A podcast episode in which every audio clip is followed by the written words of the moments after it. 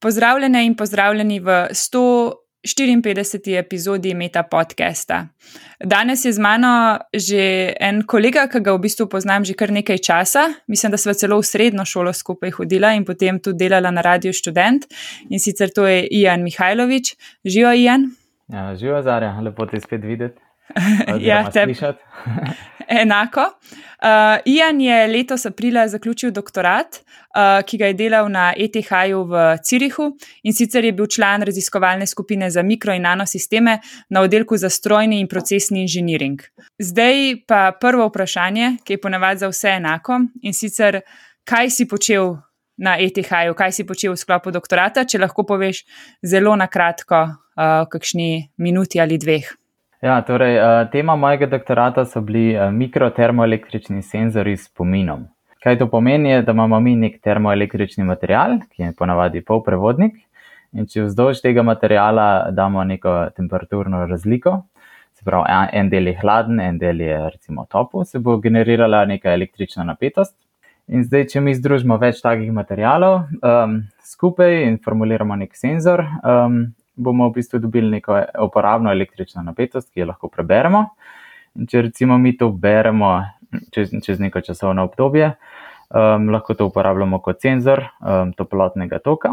Lahko se pa ta termoelektrični material izrablja tudi kot generator za napajanje nekih mehkih vezi, recimo podobno kot sončne celice lahko napajajo neka manjša vezja.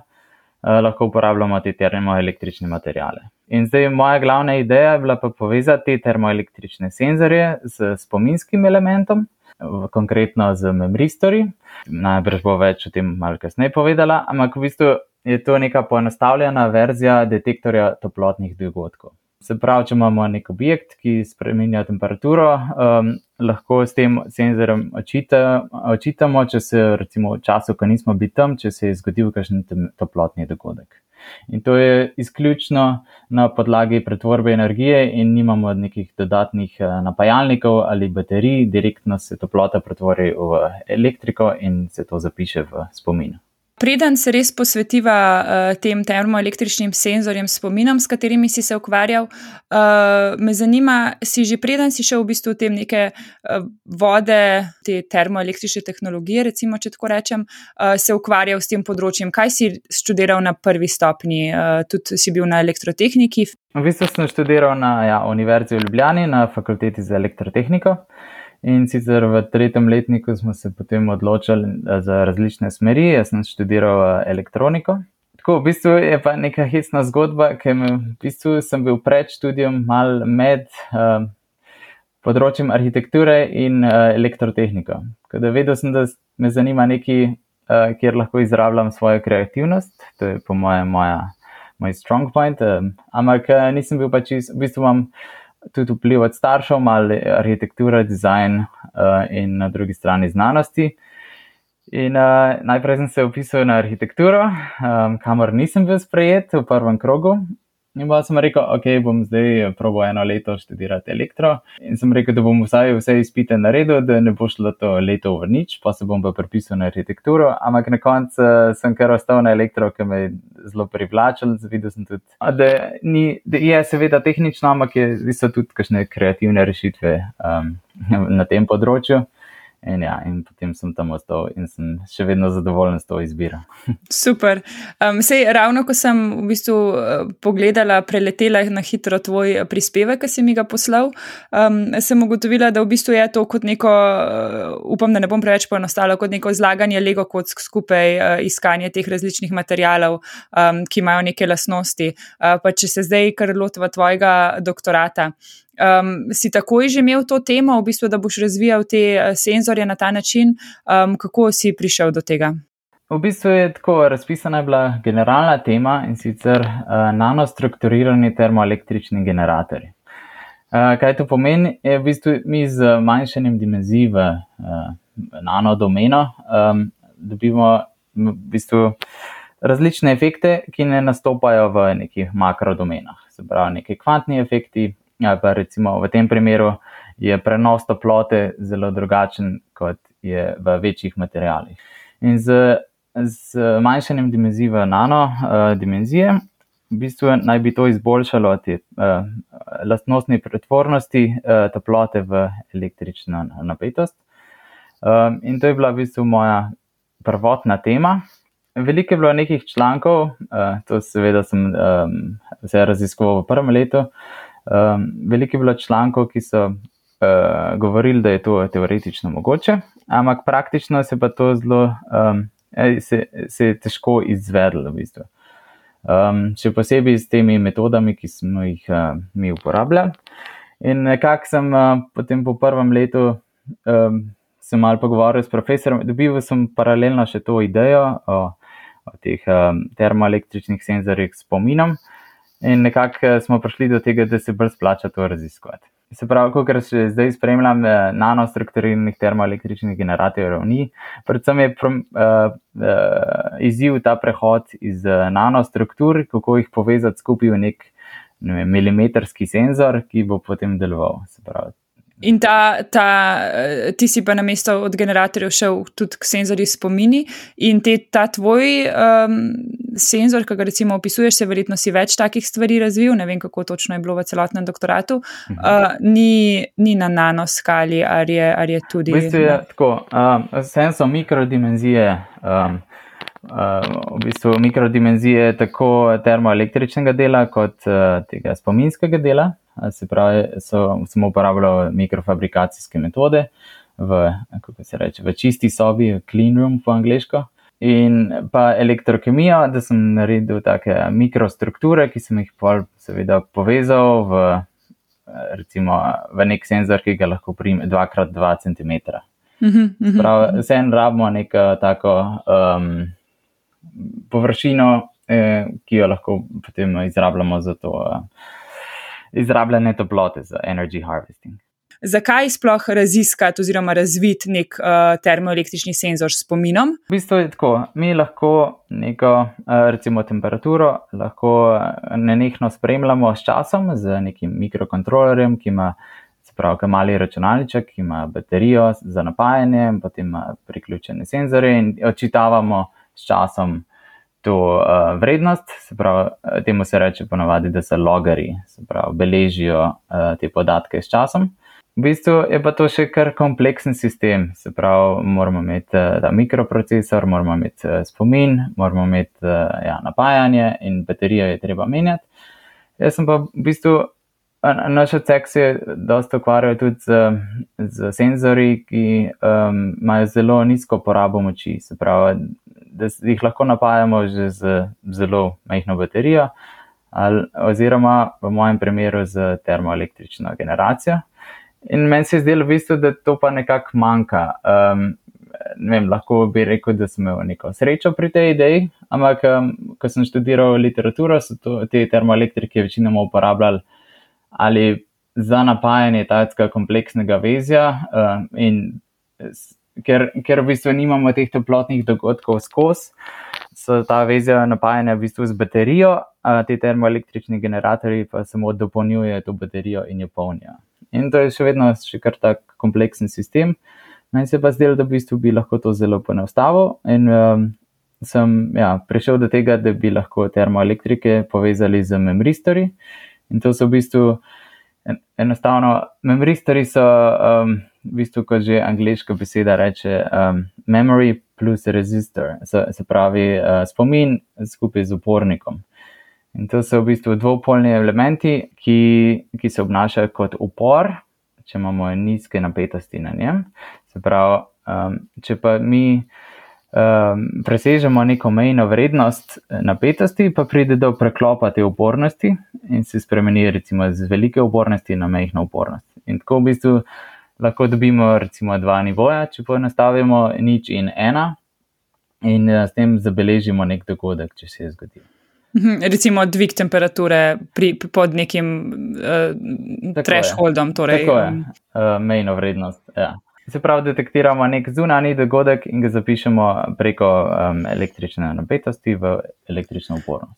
In če, če prav razumem, to vrsten senzor ne potrebuje pač nekega velikega napajanja. V bistvu že ta detekcija, um, ta količina, ki jo eh, detektiramo, povzroči to spremembo, se pravi, ne rabimo dodatnega napajanja v smislu baterij. Ali... In, in kot sem videla v tvojem članku, bi lahko to ne vem, ali je že to v uporabi, oziroma bo verjetno kdaj v prihodnosti pri vseh teh napravah, ki jih imamo zdaj okoli sebe ali pa kar na sebi, porabno za te zadeve, recimo Internet of Things omenjaš, ne torej internet stvari. Ja, v bistvu se mi zdi, da bi bilo lahko uporabno. Um, težava pri tem je um, ta memristorski del, spominski del. Um, memristori raziskujejo že vrsto let na, in se po, pač te efekti se pojavljajo na najrazlič, najrazličnejših materijalih, ampak problem je z zanesljivostjo. Pravi, um, nastopali naj bi recimo v računalniku, kjer imamo trenutno dve vrsti spomina, imamo nek um, hitri spomin, ta RAM, kjer v bistvu uh, pišemo in brišemo sproti, in uh, ko računalnik ugasnemo, tega spomina ni več. Uh, imamo pa tudi te uh, hard diske oziroma flash drive, ki pa v bistvu so trajni spomini in, in ti memoristori naj bi združili uh, lastnosti obeh spominov, se pravi, so zelo hitri in uh, pomnijo podatke tudi, ko mi uh, ugasnemo računalnik. Se pravi, odstranimo napajanje. Ampak problem je pri zanesljivosti, se pravi, ker imamo mi veliko nekih takih ciklov pisanja uh, in, in spremenjanja te upornosti, uh, se pride do degradacije s časom in tudi pri držanju teh vrednosti. Se pravi, v bistvu eh, teoretizirali so, da naj bi bili memoristori v računalnikih že leta 2010. Pri Hewlett Packardu, ampak nekako se to še ni zgodilo, v bistvu prav zaradi tega. Ampak jaz verjamem, da se bo z novimi kombinacijami materijalov, da bo to šlo malo naprej. Um, In ja, kar se tiče pa uporabnosti teh mojih uh, senzorjev, spominom, um, je pa tako. Meni se zdi, da to v bistvu pride prav ta ideja pri kakšnih uh, takih stvarih, kot je logistika ali uh, transport hrane. Recimo, če, pa, če mi transportiramo neko uh, toplotno občutljivo zadevo in ko mi odpremo neko pač te dobrine, ki jih transportiramo čez, vem, z ladijskim prevozom, uh, v bistvu ne vemo, kaj se vmes dogaja. Lahko bi vsako nadzorval z nekim mikrokontrolerjem, ampak to je v bistvu ogromno enih podatkov, pa ogromno nekih vezi. In če bi mi poenostavljeno te senzore naredili kot neke male nalepkice in bi jih nalepili na, na te dobrine, bi lahko detektirali, a, okay, a, a je se dejansko nekaj zgodilo, a se je ta stvar segrela vmes recimo pri kakšnih uh, zdravilih ali cepivih, je tudi to zelo pomembno. V bistvu, kot vem, gre pri cepivih za obratno stvar, se pravi, nočejo, da zmrznejo, ampak nekako je v bistvu še, se mi zdi, da ima stvar potencial verjetno res dejansko mogoče prihodnost. No, vedno več je teh različnih senzorjev, ki so dejansko res v nalepkah ne, in, uh mhm. -huh. in, in za hrano povsem razumem. Ja, ne vem, kakšno po, po, pokvarljivo uh, stvar, ki mora biti vem, na štirih stopinjah vse čas in pride v osem ali pa deset. Ne, in je že dosti, da v bistvu veš, ali je prese, presežilo nek, neko mejno vrednost ali ne. ne. Uh, in ja. potem lahko samo ta senzor vem, barvo spremeni ali pa kaj podobnega, da ti to sporočine. Ja, trenutno v bistvu kar obstaja, da imajo. Um, na principu kakšne kemijske spremembe ali biološke, da se barva spremeni, eh, če je bila toplota, um, ja, če je bila kakšna toplota presežena. Ampak v mojem primeru je pa to v bistvu uh, električno in reverzibilno, se pravi, po koncu tega lahko ti resetiraš in še enkrat uporabiš. Um, prej si omenil materijale, ne? ti si delal z določenimi temi uh, elementi. Uh, kako si to odkril, pač glede na teoretske predpostavke, kakšni so ti materijali ali kako sploh poteka to vrstno raziskovanje? Ja, formuliral sem te senzore in sicer so iz dveh delov, iz memoristorjev in termoelektrikov. Zdaj, dobro je imeti, seveda, material, um, ki je dober za vsako od teh stvari. Um, termoelektrični materiali so v bistvu neko ravnovesje toplotne upornosti, uh, električne prevodnosti in enega v bistvu sebe koeficienta, ki generira to napetost. In ja, ponavadi so to še kar eksotični materiali in sicer bizmut, antimon ali telur in selen. Ampak v bistvu, ja, ta ravnovesje je pomembno, ker mi hočemo vzdrževati neko toplotno razliko čez material, se pravi, ne, more, ne sme biti toplotno zelo dobro prevoden, uh, more pa tok teč čez, da v bistvu lahko mi elektriko generiramo iz tega. Um, na drugi strani so pa memoristori, ponovadi so to neki um, uh, kovinski oksidi, um, kjer v bistvu ioni prehajajo med različnimi plastmi materialov in uh, se spremenja dopiranje in s tem uh, električna upornost. Um, tako da jaz sem v bistvu raziskoval um, preko literature, kaj so najbolj, najbolj popularni materiali, in potem sem se v bistvu limitiral na termoelektrike. Um, in sem nekako videl, da so tudi memoristori iz podobnega materijala bliže narejeni oziroma dokazani. In jaz sem zbral ta bismut selenid in na podlagi tega um, hotel v bistvu izdelati um, ta senzor, ki ima termoelektrični del in pa uh, ja, memoristorski del iz istega materijala. Se pravi, uh, malo je dopiranje seveda drugačno, um, oziroma pri sintezi tega um, materijala na elektrokemijski način se mora različne parametre uporabljati, ampak um, ja, tako nekako je šlo uh, v smislu uh, razvoja. Mm, mm. V bistvu je bilo dosta branja literature na začetku, jaz sem napisal tudi nek znanstveni uh, proposal, funding proposal, v smislu, da se dobi sredstva za raziskovanje tega. In uh, je bilo tam treba še kar jasno vnaprej definirati oziroma formulirati stvari. Seveda sem uh, probal kakšne stvari že na začetku, v smislu proof of concept eksperimentov. In um, ja, nekako to, kakšne stvari že pokazal, ampak ja, bilo treba jasno uh, definirati. Mm -hmm. Torej, veliko branja literature na začetku in potem počasi delo v laboratoriju um, ja. sledilo, kjer si v bistvu, si predstavljam, sestavljal skupaj ta senzor, vse te plasti. V bistvu sestavljanje, ja, uh, v bistvu je bila glavna fabrikacija vsega tega. Um, moje delo je bilo še kar um, multidisciplinarno, v smislu, da sem delal vse od mikrofabrikacije, se pravi, lahko poenostavim, da te strukture termoelektrične in memoristorske morajo biti uh, nek mikrodimenzij. In zato, da te v bistvu lahko um, naredimo, sem uporabil neke kot take kalupe, mikrodimenzij ki sem jih sam izdelal v Cleanroom eh, laboratoriju z metodami za makro, mikrofabrikacijo, se pravi fotolitografijo in jedkanjem in takimi stvarmi. Uh, in potem te kalupe zapolnil elektrokemijsko, se pravi uh, elektrokemijsko depozicijo, ker imamo um, neko tekočino oziroma raztopino, v bistvu elektrolit, podoben ki, pri, kot pri baterijah, uh, ki vsebuje vem, kovinske ione in potem uh, z generiranjem napetosti čez elektrode lahko te um, ione absorbiramo v naše kalupe in potem nanašamo plast za plastjo tega materijala, bizmata selenida. Mm. In potem, ko, ko si to imel sestavljeno, je pa sledila verjetno še druga faza, ki pa je bilo dejansko preverjanje lastnosti in ali stvar deluje, kot si si zamislil, da bo delovala. Seveda, um, spravo tekom, v bistvu tekom tega, kot si rekla, sestavljanja, fabrikacije, uh, se itek že uporablja recimo razne metode, ali elektronska mikroskopija in uh, kristalografija, zato da se ugotovi lastnosti materijala, sa, materijala samega.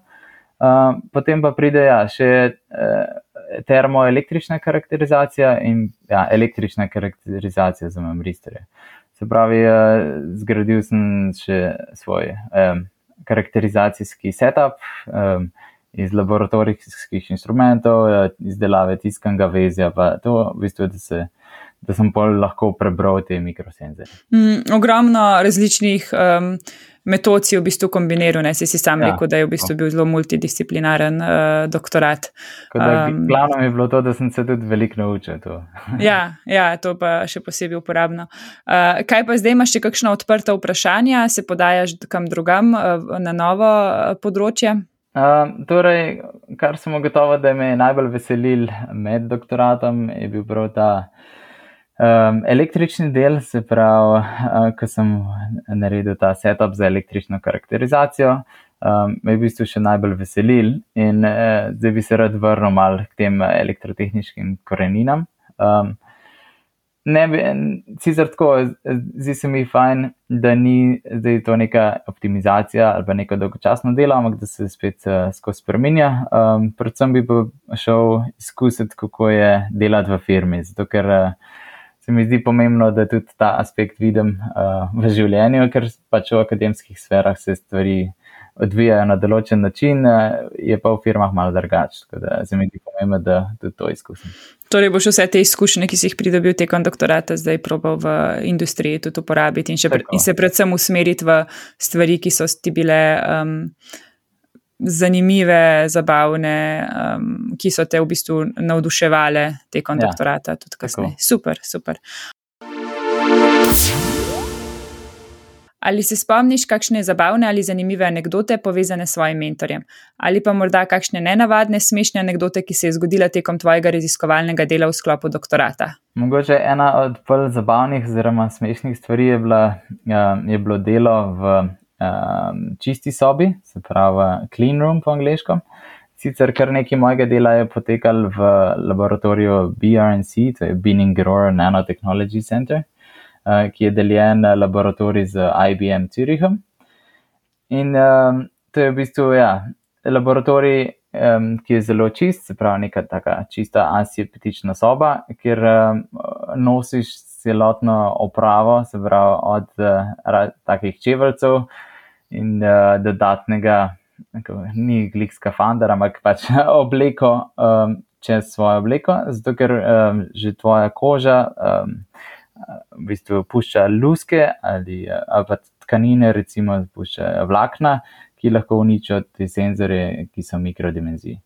In se pravi, na koncu v tem laboratoriju zgleda stvar tako, da ostali, um, ki jih tam srečaš, v bistvu vidiš samo njihove oči, ali pa še posebej v času korone, kjer so bile še maske zelo aktualne. In uh, ja, to je bilo še kar hecen, ker smo se mi srečevali v, te, eh, v tem clean roomu in se vedo, ja, to je ta, uh, vse smo, recimo, nekako smo se spoznali, ampak je bilo pa kar hecen, ker smo se srečali recimo na cesti ali v trgovini, ki je pa to čist neka druga oseba, ki jih v bistvu nikoli nisi še videl. Celotni obraz ali barve las, nimaš pojma, kako izgledajo. In pa nekako, če si predstavljaš samo njihove oči, pol ti mogoče kapne, a to je ta. V te nekdo pozdravlja, pa sploh ne veš, kdo, kdo je. ja, Ponavadi je bilo tako, ja. in, in pa rabiš nekaj časa, da sploh ugotoviš, kdo, ja. kdo to je.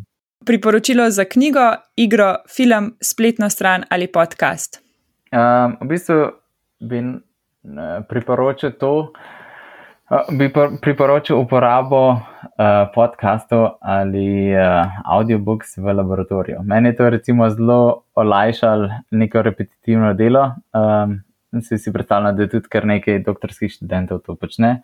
Ampak meni je bilo veliko bolj veselje iti v laboratorij, če sem se lahko veselil še nekaj poslušanja enega podcasta ali pa recimo um, neke zanimive audio knjige.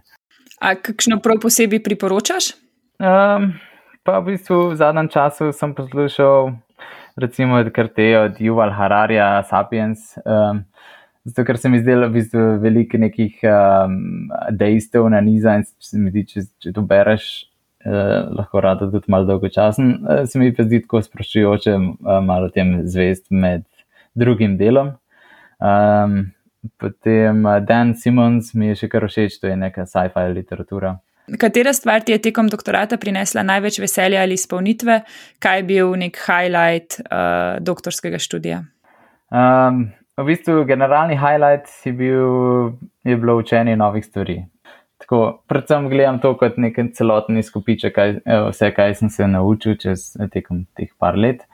In uh, ja, to mi je največ vreden. V bistvu, Zadovoljstvo od objavljanja člankov nisem, recimo, imel toliko, se, se mi zdi, da je to tudi pogosto, da preden se članek objavi, je še toliko enega mučenja z raznimi reviewerji in take stvari. In sem imel pa zadovoljstvo, recimo na začetku, ko sem dobil to idejo o teh uh, senzorjih spominom. Pač napisal sem ta znanstveni research proposal, kar je bilo kar velik dela, ampak ja, zadovoljstvo je bilo pol, ki je bil sprejet. Recimo. Kakšen je tvoj način za spopadanje s stresom in morebitno negotovostjo, ki, do katere pride med doktoratom? Ja, glede stresa je po mojem najbolj važen nek tak uh, work-life balance, se pravi, da imaš. Uh, Ja, jaz se ukvarjam recimo z, z glasbo, v bistvu sem uh, klasično igral klavir, potem violino, uh, naučil sem se kitaro, ampak zdaj najraje delam neko elektronsko glasbo. Um, in to je moj glavni hobi. Stresu se mi zdi tudi, malo sem včasih bil bolj len, ampak zdaj veliko športa, no, veliko več športa, tako da se mi zdi, da to zelo pomaga mentalno. Um, glede negotovosti, pa tako je. Ja, na začetku doktorata se tipično, se mi zdi, um, bere članke in uh, pač spozna z, z obstoječo literaturo in um, generira nove ideje, in to je veliko enega branja, ampak pri teh člankih je doskrat uh, slabo predstavljeno, koliko je dejansko kaj težko izvesti v laboratoriju. Ne? In s tem se mi zdi, da dobimo neko tako negotovost. In se mi zdi, da je važno, da to negotovost mal ignoriramo in gremo v laboratorij in probamo. Pač, dokler ne probaš v laboratoriju, ne veš, ali je to težko. Ponovadi ti ne bo prvič ratal, ampak važno je, da, da probaš. recimo še posebej pri meni, pri formulaciji vseh eh, tega propozela, um, ja, je v bistvu veliko bilo negotovosti, ker ja, to je bila v bistvu nova tema za me. Um, veliko sem jo raziskal v literaturi nisem pa vedel, da bo to dejansko ratal. Prej, ki se spraviš v laboratoriji, boljši. Če bi lahko bodoči doktorantki ali doktorantu dal en na svet, ki ga želiš, da bi ga prijel sam, uh, preden si začel ali pa med doktoratom, kakšen bi bil ta na svet?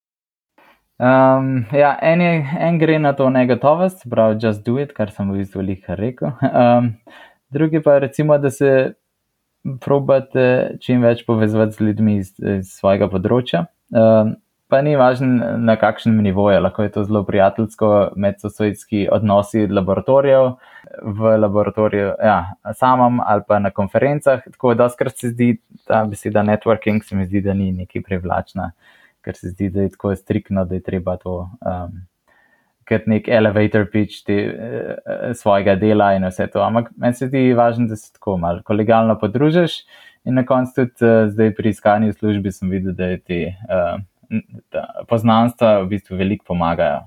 Ne, ne recimo, da bi dobil kakšen balogoden položaj zaradi tega, ampak dejansko samo tako, da dobiš, kako se reče, foot in the door, uh, da ne, nekako uh, ja, lažje prideš do stvari, kot samo z internetno prijavo. Um, kar je pa še glavno, recimo, za, um, ja, za delo, je pa, da si vzamemo tudi čas za oddih. Jaz ponovadi, prvič sem iz Slovenije na ETH. In tam uh, dobil zaposlitev kot znanstveni asistent, in pa se ti seveda zdi, da uh, zdaj moram pa delati um, dobro, in uh, seveda med doktoratom si še vedno bolj tako negotov glede svojih stvari in si ne vzameš dopusta. In meni se v bistvu dosti tega dopusta mal prenašal iz leta v leto, uh, ja, ampak uh, sem videl, da bi mogel že od začetka v bistvu vzeti ta dopust in ga sprot porabljati. Se, se nekako so spodbujali tudi to, ne, ampak uh, sam pri sebi si mal negotov glede svojega dela in pol si ga nekako ne vzameš. Uh, hvala, Jan. Z veseljem. Poslušali ste Meta podcast, v katerem se pogovarjamo z mladimi znanstveniki in znanstvenicami z različnih področji znanosti. Podcast domuje na spletišču metinalista.si, kjer najdete tudi druge zanimive znanstvene vsebine. Naše delo lahko podprete z donacijo Metini listi, pohvale, pripombe in predloge lahko posredujete po e-mailu znanostafna.metinalista.si. Dobrodošli so tudi komentarji na Facebook profilu Metina Liste in na Twitterju Afna Metina Lista, kjer uporabite hashtag MetaPodcast. Se slišimo čez 14 dni.